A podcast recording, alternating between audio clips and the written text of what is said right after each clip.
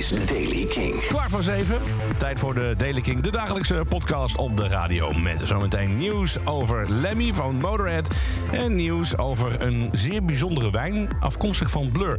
Eerst het weer van vandaag. Vandaag af en toe zon en vanuit het noordwesten enkele buien. In de loop van de middag dan wordt het in het westen droog. Maximum temperatuur komt uit op 20 graden.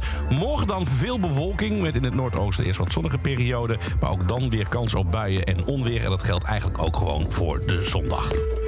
Placebo-frontman Brian Molko wordt aangeklaagd voor lastig. Dat doet, uh, wordt gedaan door de Italiaanse premier Giorgia Meloni... vanwege opmerkingen die hij op het podium maakte... tijdens een show in Turijn vorige maand. Daarin beschreef Brian de premier als een stuk stront, fascist, racist... en vervolgens riep hij ook nog eens een keer fuck you. Kort daarna openden aanklagers in Turijn een onderzoek naar Molko... en Meloni heeft nog niet gereageerd op de rechtszaak. Meloni is de leider van de Brothers of Italy-partij... die wortels heeft in het neofascisme... en staat aan het hoofd van de meest rechtse regering van Italië... sinds Mussolini tijdens de Tweede Wereldoorlog. Ze won de verkiezingen van vorig jaar door campagne te voeren... met anti-immigratiebeleid en plannen om de LGBTQ-rechten te beperken. Lemmy van Motorhead wordt voor een deel uitgestrooid... in de modder van Wakken Open Air in Duitsland, Metal Festival. Motorhead speelde talloze keren op Wakken... en een deel van zijn as werd verspreid als onderdeel van de Lemmy Forever festiviteiten... om het festival te openen tijdens dit weekend. Volgens de organisatie van Wakker is er altijd een speciale band geweest... tussen Motorhead en Wakken Open Air.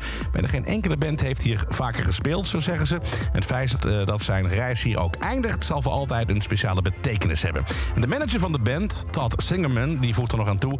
Wakken was een van Lemmy's dierbaarste plekken op aarde... en we zijn verheugd dat hij hier voor altijd een plekje heeft. Deel van Lemmy's as werd al gebruikt om tatoeages te maken... voor Motorhead's tourmanager en productieassistent... en ondertussen de artiest ook voor zijn dood nog gevraagd... om zijn as in kogels te plaatsen en naar zijn geliefde te sturen. Lemmy stierf in december 2015 op 70-jarige leeftijd... slechts twee dagen nadat hij bekend had gemaakt... dat hij was gediagnosticeerd met prostaatkanker.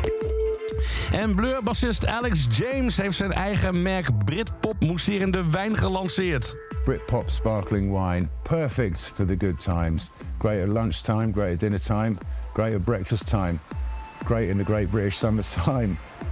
Lovely straight up, or you can try pouring it over ice if it's sunny on piscine, as they say in France, in the swimming pool. I'll drink to that. Cheers. Ja, de bassist en trouwens ook um, professionele kaasmaker kondigde het nieuws van zijn nieuwste onderneming gisteren aan op social media. De wijn is vanaf 12 augustus verkrijgbaar en kost slechts 25 pond.